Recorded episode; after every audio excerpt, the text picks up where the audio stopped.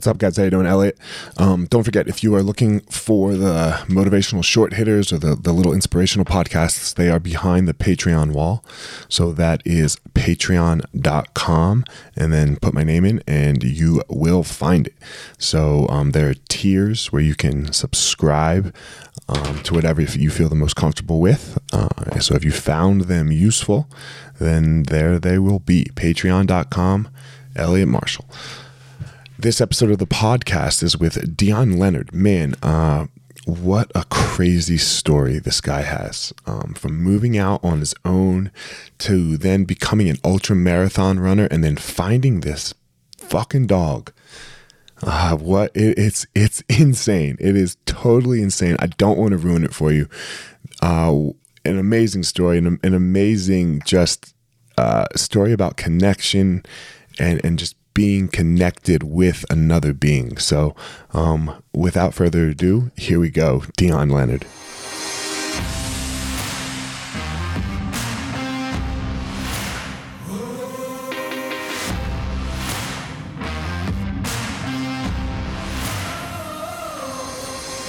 What's up, my ninjas? This is former UFC fighter Elliot Marshall, and this is the Gospel of Fire, where we are going to learn how to go into the fire so that we can find our power and live the best life possible.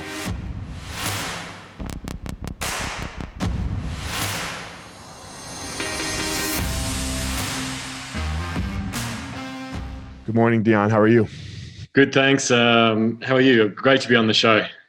Yeah, thanks for coming on. I, I really appreciate it. I, I love talking to people um, who I've never spoken to before. It's one of my favorite podcasts that I when I do them. No pressure then. Oh, I think we'll figure it out. if I'm a if I'm a decent host and I shut up enough, then we'll figure it out. oh, good. Um, so man, you are in, currently in Arizona in nice chilly weather. You said 60 degrees in Arizona. Yeah, it's pretty funny, isn't it? Um, but I guess when you're used to temperatures over 100 here, it's a chilly day. So it's it's kind of surreal seeing people with hoodies on and beanies and gloved up yeah, it's like mm, it's it's pretty good running weather actually for me in 60. Right. So I mean, I'm in you're you're in a sweater like you said, and I'm out here in 25 degree weather in a t-shirt. So yeah, you can keep um, that, uh, you can keep that Colorado weather. Yes. Um, so obviously you aren't from Arizona. Um, with your accent, you said you're from Australia. So there must have been some type of journey. So let's kind of get into the journey. Uh, who are you? And and what is it what you know like I, when people go look at your instagram and they see your dog and you know there's this story behind your dog but uh where how did dion get from australia to uh arizona? And let's start early. What was what was your childhood like? What was that like? Well, I was born in Sydney, and uh, you know, beautiful part of the world. But actually, my family's mm-hmm. moved out to central Queensland to a very uh, remote part of the country real farmland, if you like. And uh, this would really be turning point, really the start of turning points in my life that would make a real big difference to who I would become later on in life. But I led a very, very sort of, uh, you know, normal childhood up until about the age of nine years old. And uh, just the, the day after my ninth birthday, the man that I thought was my father for those nine years actually passed away uh, during the night and I had to sort of come to his help. And uh, he was having an asthma attack, and had to sort of ring the ambulance and get get my grandma who was living downstairs to sort of come up and help. So you can imagine, as a nine year old boy, those sorts of memories and thoughts have always sort of been with me of what happened that evening, and and losing my father or the man that I thought I was at that time. So in the months sort of after that, you can imagine the sort of pain and sorrow around the house and my mother and also my sister uh, were in the family as well. But my mother sort of, um, you know, of, of course, found that very difficult as to what had happened after the death of her husband. And, uh, you know, she would tell me then that that, that man isn't my father. And uh, of course, that would be a huge heartbreak for me to know that the man that I thought was wasn't. And uh, so how long? So how long was that period? Like, so I mean, let's, let's just call him your dad for a second. So your dad dies, and then when does your mom tell you? How long in between there that you, your dad isn't your dad? Yeah, pretty much soon after, and uh, the shock and uh, uh, I think that it happened to her, of, of course, of lo- losing uh, him you know, sort of was sent through to me then. And I guess I don't know if uh, she was taking it out on me a little bit as well. But that really became a difficult process for me to have to deal with as a young boy growing up in at this stage in a very small sort of outback country town back in the 80s, of course, when traditionally you, I mean, most people in where, especially where I grew up, sort of had the traditional family of two kids, husband and wife, and uh, everything was good in the home front. This sort of would lead to my mother and I falling out in a big way and it becoming really uh, depressive and destructive and uh, violent sort of upbringing from that moment onwards, which would lead me sort of moving out and moving onto the streets at the age of 13 with nobody to support me, nobody to help me, and living from. Can everywhere. I ask you one? Can I interrupt for one sec? Now you said your sister. Now is your sister? Was that man your sister's father, or was he not your sister's father? He, yes, yeah, so the the man that died was my sister's father. So she was okay. sort of seen as a completely different child, if you like, to, Got it. to okay. myself. Got it. Okay. Sorry, I get I a little bit of the outcast of uh, through my mother's eyes, I guess, from the previous right. relationship.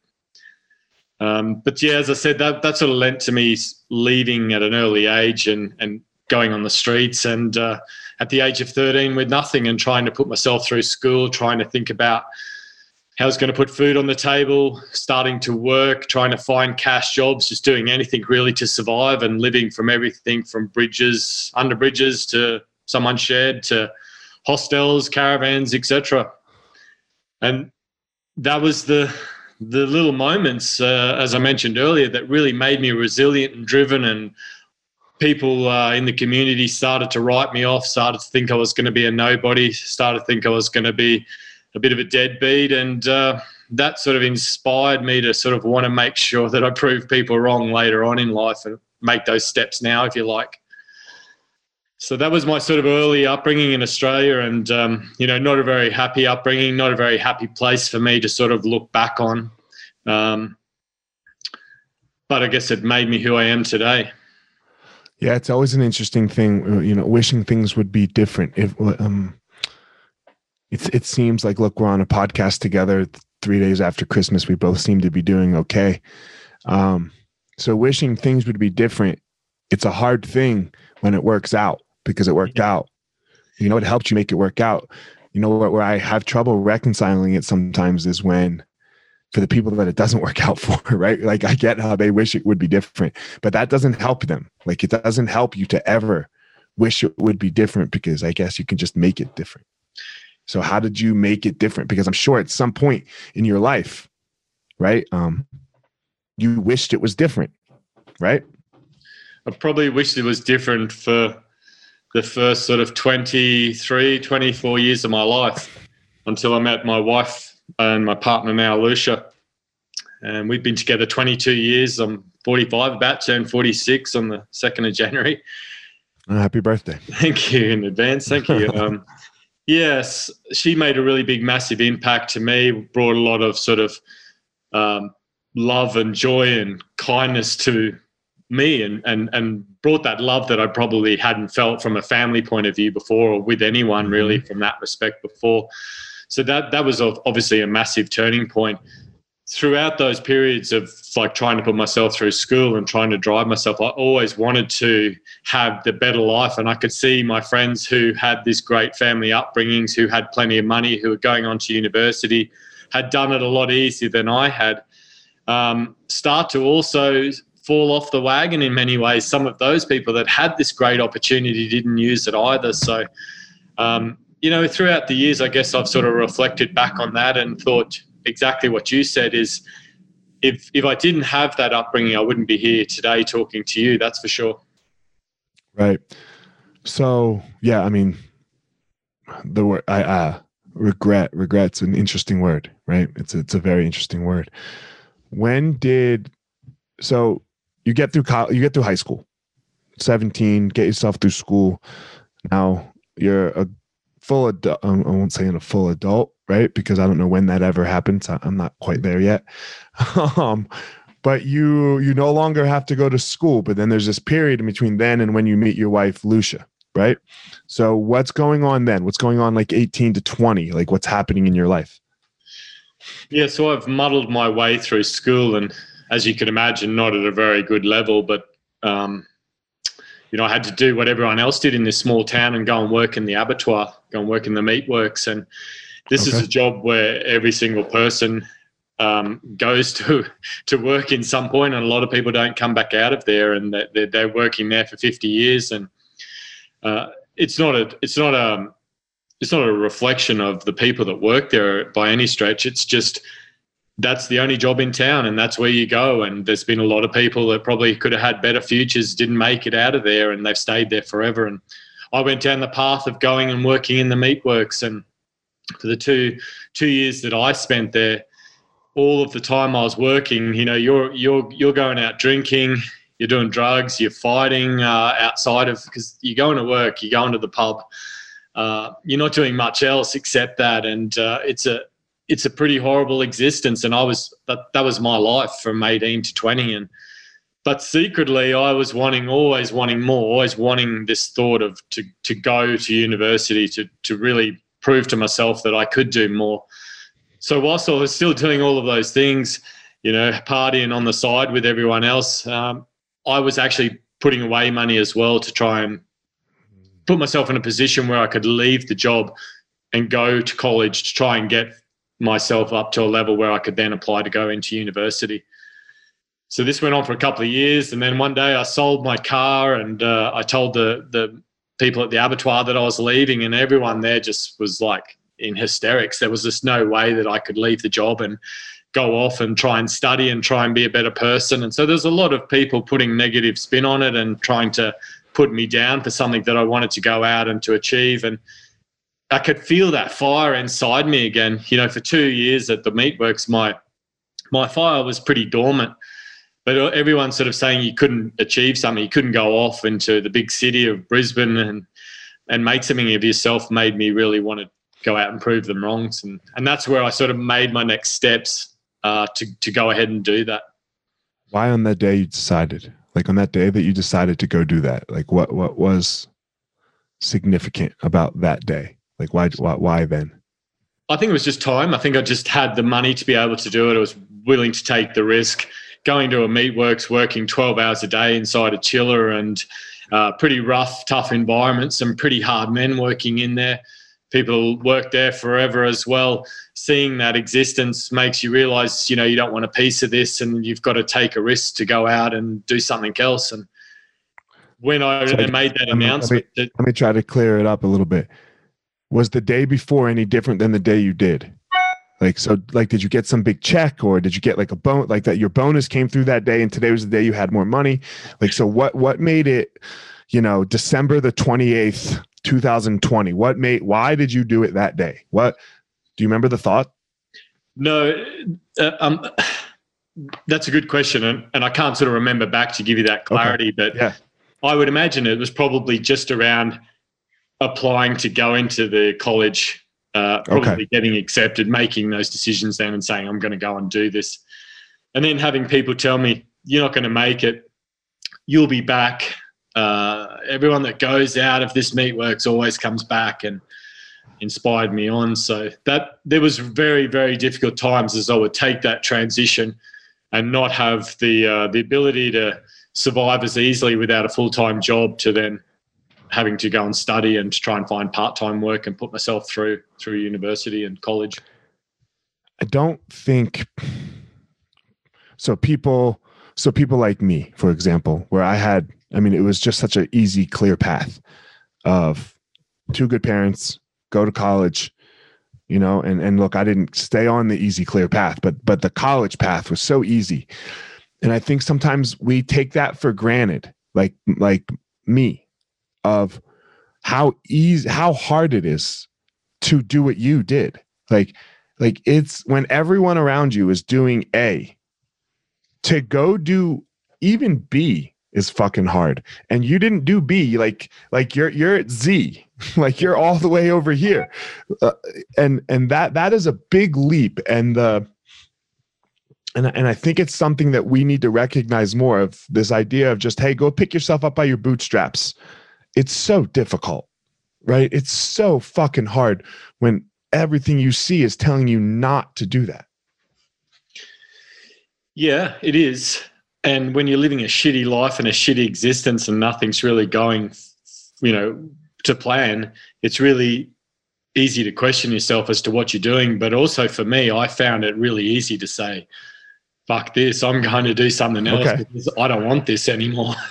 so you, there's, I guess there's two sides to every sort of coin, isn't there? And it depends which always, always. Yeah. Yeah. Always. There's never, uh, the, the exact opposite always exists. You know, I'm, I talk to my fighters right now a lot, and a lot of times fighters they're scared, right? They go through right right before fights. They go through two two emotions: fear and uh, and excitement. and so I ask them, uh, whatever one they are right now, like, and I say, what are what? Tell me what that physically feels like. And you know like let's just go with excitement fear. They go oh man my hands are tingling and uh, my stomach has these butterflies and i just feel like i can't sit still and da, da, da. i was like okay great. Can you do me a favor real fast? Can you describe excitement for me and then they go yeah my my hands are tingly and i have this feeling in my stomach and i'm and i'm and i can't sit still. And they say it's the exact same thing. It's just this that's different. It's just the what what the thought is. So it's so interesting how it always is true. The the the equal and opposite reaction is always there and we just kind of showed it.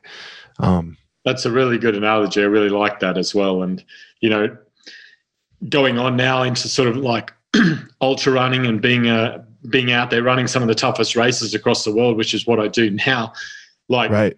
the the preparation beforehand that's all physical. The race is is all mental. Mm-hmm. It's so yes, because that's it's the same with anything. The fight is so mental. Like it, it's it's all mental, and you can have done all the correct physical preparation, but if you don't get this right, if, if then then it's for naught. So, and, and but you have to do the physical. You can't not run, right? Exactly. You're like, yeah, I'm just gonna work on my mind, baby. Like that's not gonna get it done either. the finish line, yeah. Yeah.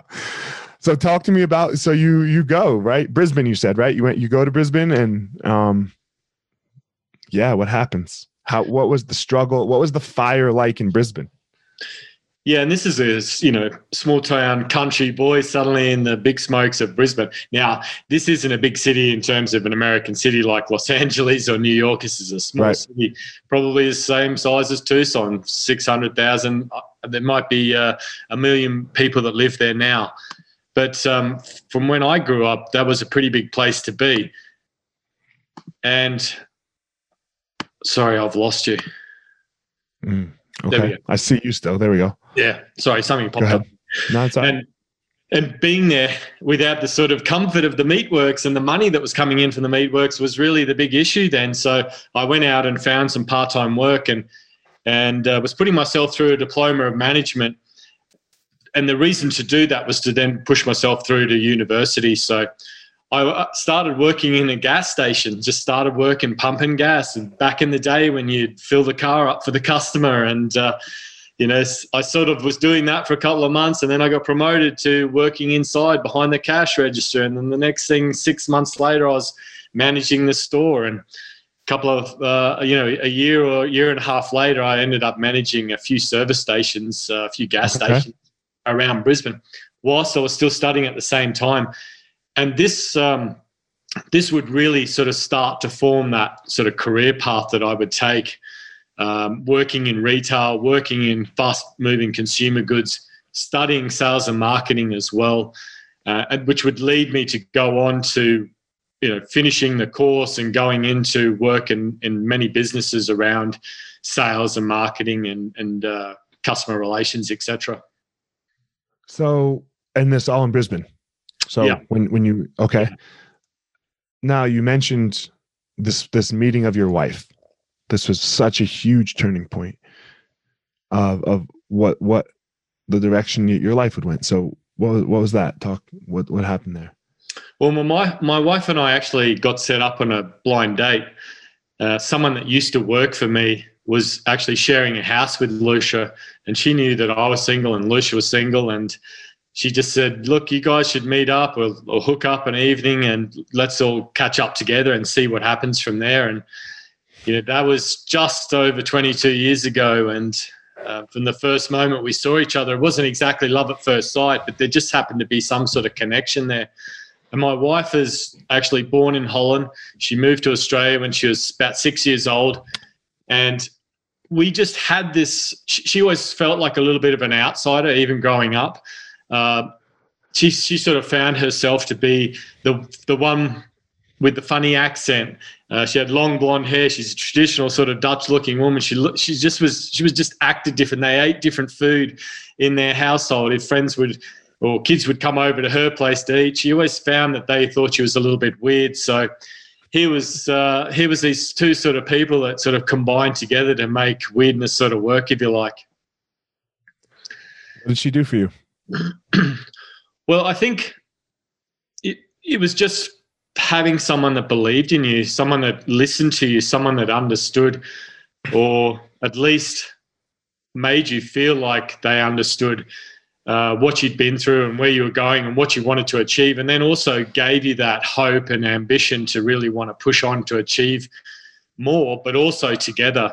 And that's really how we've sort of built our relationship over the years. And when we first got together, we we had nothing. We had um, you know no money, and uh, we were we were really struggling to get by. And my wife Lucia was a chef, and she was qualifying to be a chef at the time, so she was on a really low apprenticeship wage, and I was still uh, trying to put myself through schooling and paying for all of that and working as well. So it just made it very difficult to sort of pay the bills and get by. So we never really had anything to begin with for many, many years but that would also solidify our relationship more than just money and more than just the the, the good times because we've we've had so many roller coaster moments from then onwards together.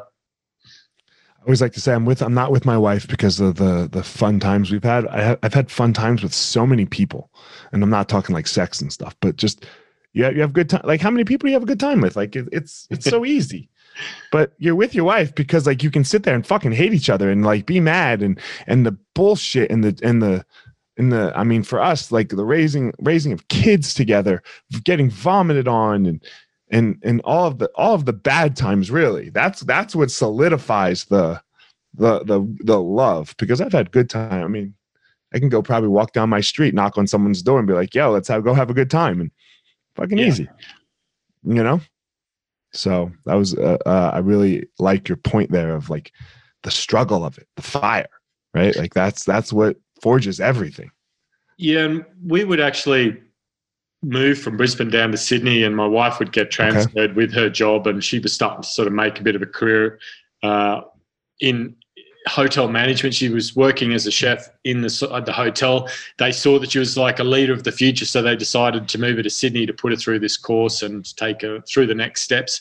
I moved down to Sydney, and we found it incredibly difficult because we were paying off some debt in in uh, in Brisbane, schooling, and uh, we'd, we'd bought a little house by this stage, so we were paying that off as well. We moved down to Sydney; it was much more expensive, and we were so broke. Even though we we're both working, I was actually uh, quite a good golfer when I was younger, and I had played at a reasonably good level through my ages about 10 to 16 but then gave it away with everything you know going through the meatworks mm-hmm, moving on mm-hmm. in different aspects of life we were so broke in sydney that i decided i was going to take it up again and, and i'd always hit a golf ball throughout the years that uh, i went on sort of tour on the weekends to uh, to go and win money basically to um, put food on the table and to, to right. make us be able to live.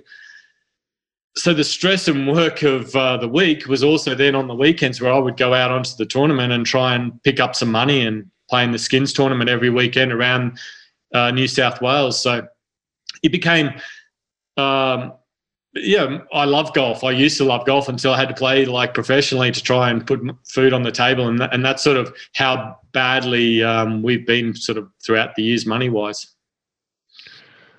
so interesting yeah um the the whole once you do something for money it's it becomes very less enjoyable. You know like your wife's a chef. I love to cook and my friends were always like "Ali, you should enter like a barbecue competition i'm like man fuck that i'm way too competitive like i'm gonna try to win if and once i try to win and it, and like the I, I attach that to barbecue I'm gonna hate barbecue soon because I'm gonna try to go be the best, and I don't want to do that. I just want to enjoy my barbecue. well, yeah, she doesn't cook anymore for me either. So yeah, the, chefing days are long gone. She she won me over with that, and then that was the last of it. So mm. My wife's a nurse practitioner. She's so fucking awful with me. Like, unless I'm actually dying, like, if something's really bad, then okay, she's amazing. But like, when I'm just sick, she's like, fuck you. You're fine. You know? And I'm like, baby, I just want you to hold my hand. you just be there for me. Yeah. Yeah. Um, so somehow you became this runner and you met this dog, right? So, yeah. I, I've always had this issue with drinking and food. And I guess it's been throughout that whole life, you know, I didn't really speak about that, but throughout that ages of 13 onwards, you know, I've always had this um, um, like for alcohol and it's become sort of something that I've been dependent on throughout, you know, quite a lot of my life on and off. And I would be drinking heavily, massively, overeating. And, uh, I became massively overweight, smoking pack of cigarettes a day, and 250 pounds plus I became at one stage, and uh, you know I'm about six foot tall, but it you know that that's I was like huge. It didn't look good on me. I was sort of probably putting myself into an early grave with everything that I was putting into my body. And one day, my wife started to say that she was going to take up running because she'd also been eating and drinking alongside of me. A lot of the pressure and uh, stress of everything we were going through and she went outside and she started to run and she she'd uh, she came back and she said, "Oh, you know, I'm going to start taking this up." I was like sitting on the couch watching TV, stuffing myself full of chips and beer, and I said, "Okay, well, the next time you go out, I'm going to come out with you." And uh, you know, I was still thinking, here I am, this fit kid, 13, 14, 15 years old, could run any, outbeat anyone. The next day when she went out, uh, we didn't get half a block and I was wheezing and coughing and struggling for air and she'd started, you know, she was sort of still running and looking back behind me. And I, I just remember this sort of thought in my head as to who had I become? What was, where was I going with my life? And look at the shape I was in. And it was really the first sort of moments of thinking, I've got to do something here to, to change my aspect again. She would go on to keep running and she would start to get into marathons and, uh, uh, she started to sort of dabble in longer distances as well. And I, at this stage, was still being the same person, even though I thought about I was going to go out and lose some weight and get fit. Nothing had really sort of uh, made me make that jump until one night I was at a friend's party and it was his 30th birthday party. And everyone was sort of sitting around towards the end of the night. Everyone had had, of course, way too much to drink. And he was telling everyone how he was going to go and run this half marathon race in about 10 weeks' time. And he'd run the half marathon distance the year before. He'd done about one hour 50. And he said, okay, um, I want to go back this year. I'm going to go back and I'm going to beat it. And I was pretty wasted. And uh, I just happened to pipe up and say, I think I could beat you at this race. Now, I'm still 250 pounds, smoking, drinking heavily. Everyone there just sort of you can't make it down the block, man. yeah, the room went quiet. As soon as yeah. I said that, like all the music went off and everyone heard me say what was being said. So then everyone, about 30 or 40 people were suddenly transfixed around this conversation between these two, you know, 30 odd year old guys sort of uh, talking about how they're going to do something completely unachievable. I was so drunk that I actually said to my friend Dan, I said, um, I'll give you five minutes head start as well. And we made a bet. Whoever lost the bet had to take, you know, the other couple out for dinner, and uh, it would be all expenses paid. So, for me, that started to make me think this is this is something that I can really maybe motivate myself to get. How long? How long did you have before the race? Uh, ten weeks. Okay. Just over ten weeks it was. He was fit he was he was already training. He was already doing stuff and getting out, running that distance anyway. I woke up the next morning with a massive hangover, and my wife like happily told me about this ridiculous bet that we'd made, and how was only ten weeks to go, and you better get your fat ass up and start getting out the door and losing some weight, and and that was the moment I was like, what have I done? I had to like find some tennis shoes, find some shorts that fitted me, find a shirt. You can imagine a big fat guy starting to run a block and struggling. You don't even have clothes. You don't even have clothes that you can run in because you don't run. Exactly, and I mean, I didn't, but it probably came across my mind to take a beer with me to go the block anyway. To be honest, so um, that was that was the sort of start of the. I was so fired up because everyone around that that group of people started to laugh and started to say, "There's no way you can do this." And that was just like being a kid all over again and being yeah. that person that was a, rejected kid and also working in the meatworks, leaving the meatworks. And I was like, right, I'm going to. It was the third time you were told you can't do this. Yeah. Um, and these were friends as well. So it was a little, uh, right. it, it was a little sort of hurtful, even though it was all meant in good jest. Uh, for me, it meant more. So I, I was up, I was at it. From that day onwards, one block, two blocks, a mile, two miles, etc. I worked my ass off and just kept going and going and going. And Dan, who was already training, he used to have this watch and it would sync to Twitter. And I could see on Twitter every time he'd finished a run, it'd sort of sync onto Twitter and say how far he'd gone and the time he'd done. So I would look to try and do more than he'd done. And he'd message me and say, Oh, how's the training going? Ready for the big day? I'm looking forward to, I booked this restaurant. I'm looking forward to you taking me and uh, Sarah out for dinner. And me, I'd just say, Look, I'm, just, I haven't done anything. I'll, I'm in the pub still. You know, I'll, I'll be there on the day. Don't worry. Secretly, I was like, training my ass off. Oh like, fuck yeah! So he's even going farther with it. Oh man, this is great. So go ahead. Yeah, so we, I, I, I was literally morning, noon, and night. I, I was working from home at this stage, and this gave me the ability to go out the door whenever I wanted.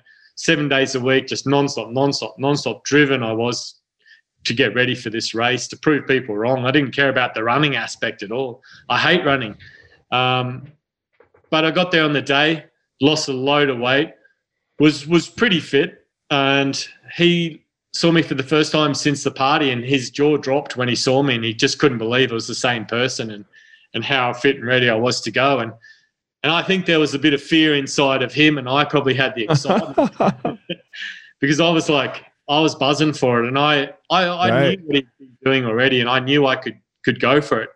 But then there was also the element of the five minute head start that I'd given him, so I had to go for it. 13 miles, you don't have a lot of time. You know, if that's going to take you an hour 50, five minutes is a pretty big chunk of big that. time. Yep.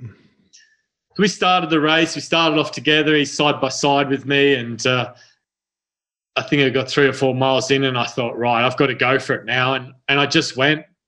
It was a pretty warm day. It was uh, sort of mid uh, mid twenties. I don't know what that is. About eighty degrees Fahrenheit. So it was a warm enough okay. day. I'm like busting away, busting away, just like nonstop, thinking of the time, thinking of the time, and I'm struggling. I could feel my heart was going through the roof. I, I started to feel a little queasy, sweat was sort of pouring out of me, but I was so driven to get to the finish line and make sure I did it. And I ended up finishing, and I did. Uh, I did a one hour, uh, one hour forty, I think it was. No, no, sorry, it's one hour twenty eight, and uh, I got to the finish line, did a one hour 28, and then I sat there and I, I, I was waiting to see what time he would come in at. And the five minutes went past, and I was like, yes, I've, I've done it. I've at least won the dinner for two. And my wife was there as well, and she came in, and then Dan came in about one hour 40. So it was, you know, huge celebrations for all of us because he'd also beaten the time that he wanted to do, which was great for him. And of course, I was I was delighted to have, have beaten him. But actually, for the first time in a long time, I felt like I'd achieved something in life. I got to the finish line. I felt proud of myself for doing something, and and that was sort of the steps into ultra running. So a lot of people ultra run here. You know, like this isn't a. There's it's races all over the place. How did you become, you know, finding Gobi? Well, I, I bought my wife a Christmas present that year, and uh, was it was a birthday slash Christmas present because her birthday is the twenty third December. She only gets one present, and uh, I gave her this book, and it was about the world's toughest endurance challenges. And I did say to us, I said, look, whatever race you whatever page you open up to is a race or event that we'll try and go to together. And it was a she opened a page up to a race called the Kalahari Extreme Marathon. It's not a marathon though; it's an ultra marathon. It goes for a whole week it's 155 miles, six stages, seven days, carrying all of your food and kit to survive the week. sleeping bag, food, medical stuff, whatever you need. The only thing that's given to you is water along the way. And they might put up a bit of canopy for you to sleep under if you're lucky uh, at each of the end of each stages for the for the week. So we we uh, we decided, okay, let's go and do it, and we went out there, and that's sort of how I first started to get into ultra running. I came sixth at that race, and there was a pretty stacked field of professional runners, uh, people that had been training for years, and then there was me. You know, I did a half marathon that I explained to you. After that, I went and ran a race in France called the Marathon de Medoc. So race around the vineyards where you drink wine every mile. You dress up as uh, this year that we went. We went as there was animals, and my wife dressed me up as a pink pig, which was kind of fitting considering where I'd been with my weight and everything throughout the last few years. Right. Then I bought her the book. We went out to do this race, and I trained, but I'd never done an ultra marathon before. But having grown up in the middle of nowhere in Australia, in a small country town where temperatures are 100 degrees daily, dirt, deserty conditions. I went out to this race and I could perform really well in the heat. I came sixth, and uh, that would be the moment when some of the other runners and the, the race officials would say to me, you know, you should really try a little harder and train a little harder and put some effort into this. And that was the first moments then that I realized that um, there was something in this for me. But I never never throughout any of that with those moments enjoyed running. I was still burning all of this negative energy of people, what people had done to me, what people had said to me, and I found running to be the tool for that. I found it to be like uh, a, a, bit of a mental cleanser for me, and I felt good when I got to the finish line and achieved something. So I was doing these races all around the world, the toughest foot race on earth, the marathon um, des Sables in Morocco, and other multi-stage races around. And I decided I was going to go out to China to run a race out there.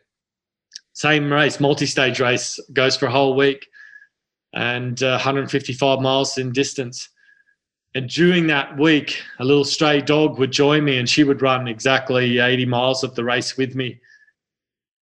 She came out of nowhere, just took a shining to me. Whether there was another hundred odd runners there, but there was something about me that she she wanted to uh, run with me and be with me. And, and little did I know that her joining me would change our lives forever. How? Well, here's this little dog with nothing and nobody, and uh, she'd seen something in me. And uh, at first, I didn't really see anything in her at all, except a pest of a dog that was chewing on my shoes and giving me a bit of grief as I was trying to win this race. Uh, I started to have to carry at certain sections because she was always next to me when we go through a river crossing or over a bridge that she couldn't cross on her own. And and I started to form a bond with her. But I also why did you do that? See, why why didn't you just leave the dog? Well, I started to see myself in her. Okay. I started to see the kid with nothing and nobody, and no one was there to help. I could see this little dog that had come out of nowhere. No one knew where she was was from or how she was existing. No one cared about her. She had bad skin, bad coat, and when you're out at these races, you're out there for a whole week, you're pushing yourself to the limit, not only just finishing each stage, but then throughout each night, you're recovering, you're trying to get ready, you're trying to get yourself mentally prepped for the next day. You, throughout the week, you sort of go on this journey throughout yourself. You find something about yourself you didn't know before. You'll make friends and uh, other connections, and you'll you'll probably want to make something different about yourself when you go back to normal life you know, back to your jobs and your family, etc. Because you spend so much time in your head out there. And I think she just caught me at this time when I was probably like working hard throughout the race, trying to win it, as I said. And um, we just bonded and connected. And uh, I picked her up and carried her across these river crossings. And it would affect where I would finish throughout the race. But um, I made Gobi a promise. That's her name, Gobi from the Gobi Desert. And I made her a promise that I was going to bring her home. And at this time, I've moved to the United Kingdom and I was living over there. And uh, I just thought, you know what? I wanted to be a better person. I want to give this dog something that I didn't have when I was younger. And I, I don't know if it sounds silly or people may not be able to connect with why I did it, but there was just that moment. I think you made the connection pretty well actually. um, yeah, uh, because was, you're struggling, right? You're in the middle of this struggle, and when you're struggling, um, you you get broken down. Like the all all of the bullshit of your life starts to come up, where you are your childhood, you're this, the, the you know, and you you start to try to grasp on to things that can ground you. You try to root in something, and the dog rooted you. The the dog said, "Look, okay, that was the, it, it, it took you back to your earlier life where you got to you got you got to become the hero of the dog's life. Like you you not not the hero of the dog's life but you got to save the dog. You got to be the obi-wan for like and the dog became luke skywalker right? And and you, you so that you took the dog on the hero's journey with you. Absolutely. And sometimes i think back like i i don't even know you know i, I don't even know sometimes why i did it why i did all those things but um there was just there was just, there was just this connection and bond, and the way she looked at me with her eyes and the love in her eyes for me was was phenomenal. And I guess, yeah, there was something that I was looking for, and I didn't realize it at the time. What year was this? When when did you find Gobi? This happened in 2016. Okay. Yeah. And, and I made Gobi this promise to bring her home, and after the race had finished, someone said that they'd look after Gobi in China. I flew home the next day. We had to work out how we were going to bring Gobi home. And right. the, the story got picked up by the press and it, it was, we were like ESPN play of the day, for example. We were on CNN, BBC, Fox. We were in, started to be in the newspapers. The story was, was huge. And everyone started to just was was amazed that this little dog would run so far through those conditions. The Gobi Desert, 125 degree heat. Um, 80 miles, tiny little Chihuahua Shih Tzu mixed dog running with me. I mean, the images of it just captured everyone's heart. And then to know that I was going to bring her home, people were just, you know, it was, were, were over. It's an amazing story. Yeah, yeah, exactly. And it was in 2016, a load of celebrities and a load of people died. And I think this was a really good news story. And it's a, bit, a little bit like now, it was a, a little bit of right. a year, like people just look towards something else. Yeah, Trump got elected. Um, uh, I don't know your politics. Sorry. well, um, Australian, you know, I can just play that card and just uh, just stay stay out of it. So. What'd you say? As an Australian, I can just play the card of like staying out. That's not your fault. Yeah. oh shit. Um. So what is it now? What you know, like what is this finding Gobi thing now? Well, before I could bring Gobi home, Gobi goes missing in China. Oh fuck yeah! So uh, I received a phone call to say she'd gone missing, and I was devastated and heartbroken to think that uh, I'd let Gobi down. And of course, I'd been let down so many times in my own life that I thought, right, I'm I'm not going to be that person. So I flew all the way back out to northwest China and started a search and volunteer team to to find her. And didn't know anyone, didn't speak the language. Went around, started putting up missing posters with a with a reward of 10,000 Chinese dollars, which is about 1500 US and that part of northwest China that's around 3 to 4 months salary for people. So people started coming out day and night looking for Gobi and we had hundreds and hundreds and hundreds of people. The story went all around the world again. All of those news and broadcasting agencies featured how Gobi was missing. The story is huge in China. You know, over a billion people suddenly we're looking for this little dog in China as well, and it just really captured everyone's heart. And and the story really sort of goes from there. We'd search day and night for Gobi, and of course, lots of good people would come out, but lots of bad people would come out and say, "Look, we've got your dog. We want we want the money you're offering, or we're going to come after you, or we've uh, we want more money." And it created this whole other sort of story, if you like. And my life after finding Gobi would be writing a book about it and uh, a book that would now be in 21 languages and being made into a film as well. So the whole story changed my life. And one act of kindness of carrying Gobi across this river crossing and our bond and connection forming has taken me into a whole completely new, different world.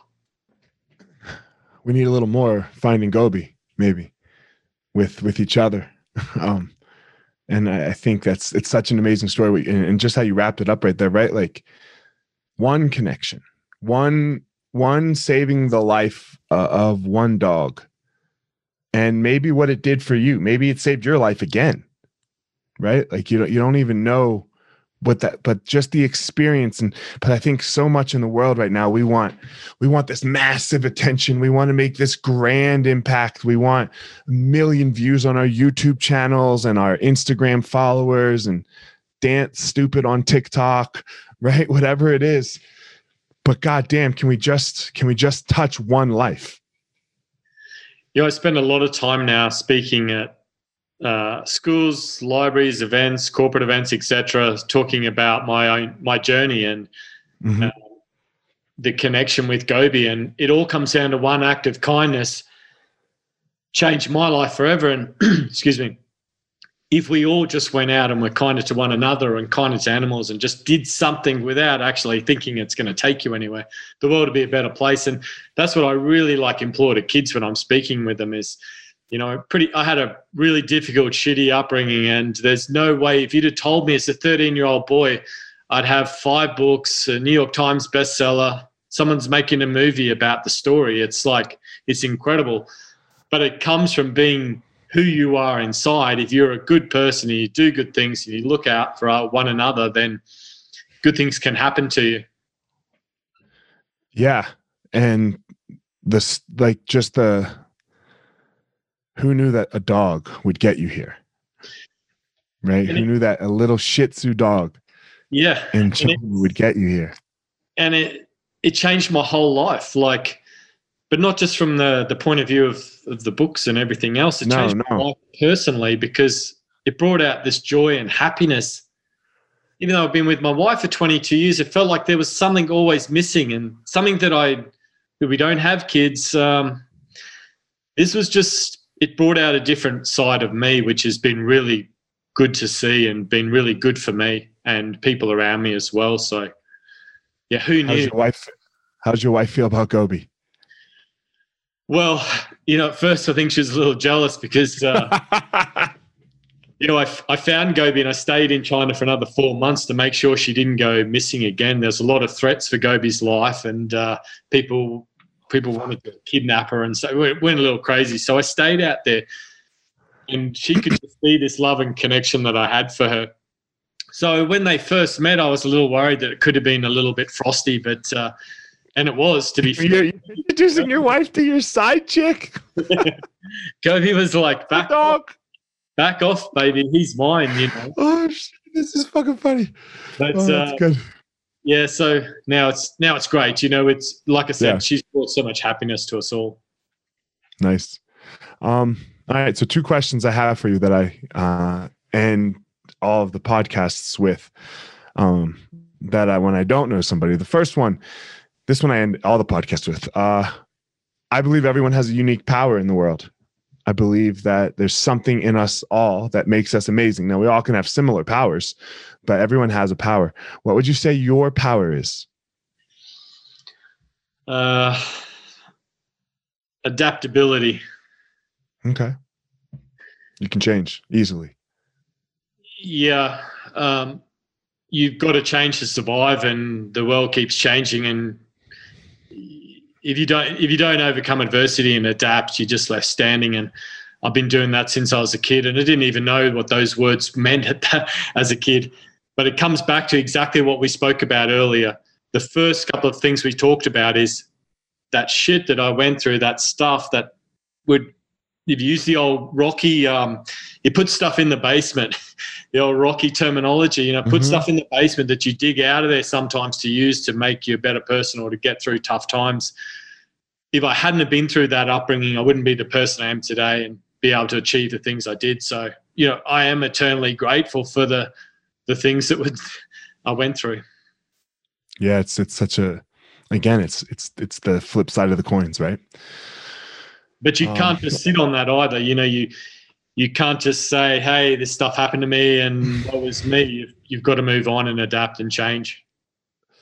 Yeah, it's that, that that's what it is, right? Like, uh, it's it's so hard to explain and put words to it. You have to, and I think the best way to do it is tell stories. You know, so just to hear the stories of people doing it over and over and over, because there's, I, I don't nobody cares about someone who just like was handed everything and very few people were just handed everything so Um, all right, last question. So you and I, ha- we have on the surface so little in common. Um, I've never run five miles, bro. Um, I don't plan to. So I've never done uh, any real Exactly. fighting like you have. Right. So right. So why would you like when when you when I reached out to you when my team reaches out to you to come on the podcast? Why say yes? Like what's the what's the what's the point of it? Why why why come on some dude who you have no clue what my audience is? All you know is that I'm not Joe Rogan and I'm not Tim Ferriss, right? So why? Well, if I can inspire one person that's listening to believe in themselves, to go out there and to want to achieve more, if, I can empower anyone to go out there and want a better life, then I'll share this story, my story, forever.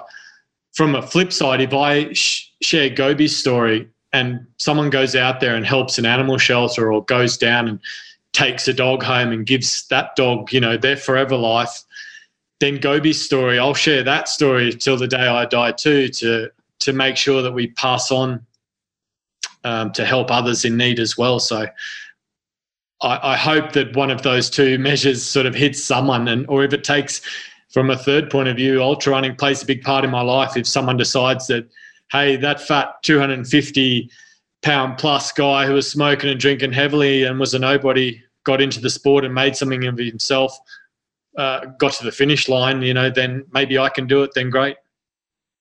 It's worth your hour, is what you're saying. Oh, absolutely. One person. Yeah, yeah, exactly. Small Uh, steps. Thanks. What's that? Small steps uh, Small changes steps. everything. Yeah. I know it's so hard because we want it right now, right? We just want to we want we want that viral video. We want that viral story. We want we want that. And you just made one small change, right? You just you just picked up a dog.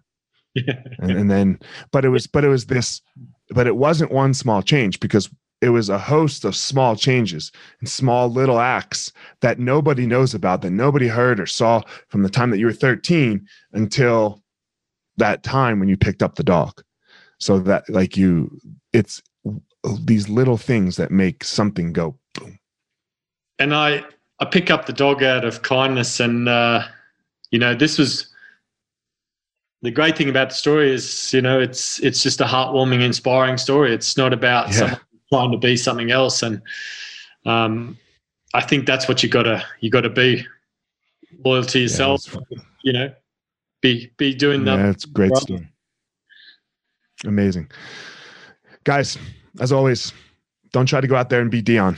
Dion has got his own power you know? He does his thing picks up stray dogs in 125 degree weather. Um, i do my own thing. I, I have my own unique power. You all go out there and you find your power. All right, everyone, thanks for listening to this episode of The Gospel of Fire. If you enjoyed the episode, I'd love a review on iTunes or wherever you are listening to this podcast. Don't forget to follow me on social media at FireMarshal205. If you're a BJJ enthusiast, check out my YouTube channel. I put all kinds of instructional DVD uh, videos out on there, so go check it out. My book is still out on Amazon by the same name as the podcast, The Gospel of Fire. So if you are interested, go check out that. And most importantly, guys, go out there every day, find your power. Thanks a lot. Guys, look, I get it. I totally get it. You opened a martial arts school, and man, it's kind of crushing you. There's all this other stuff to do other than teach, right?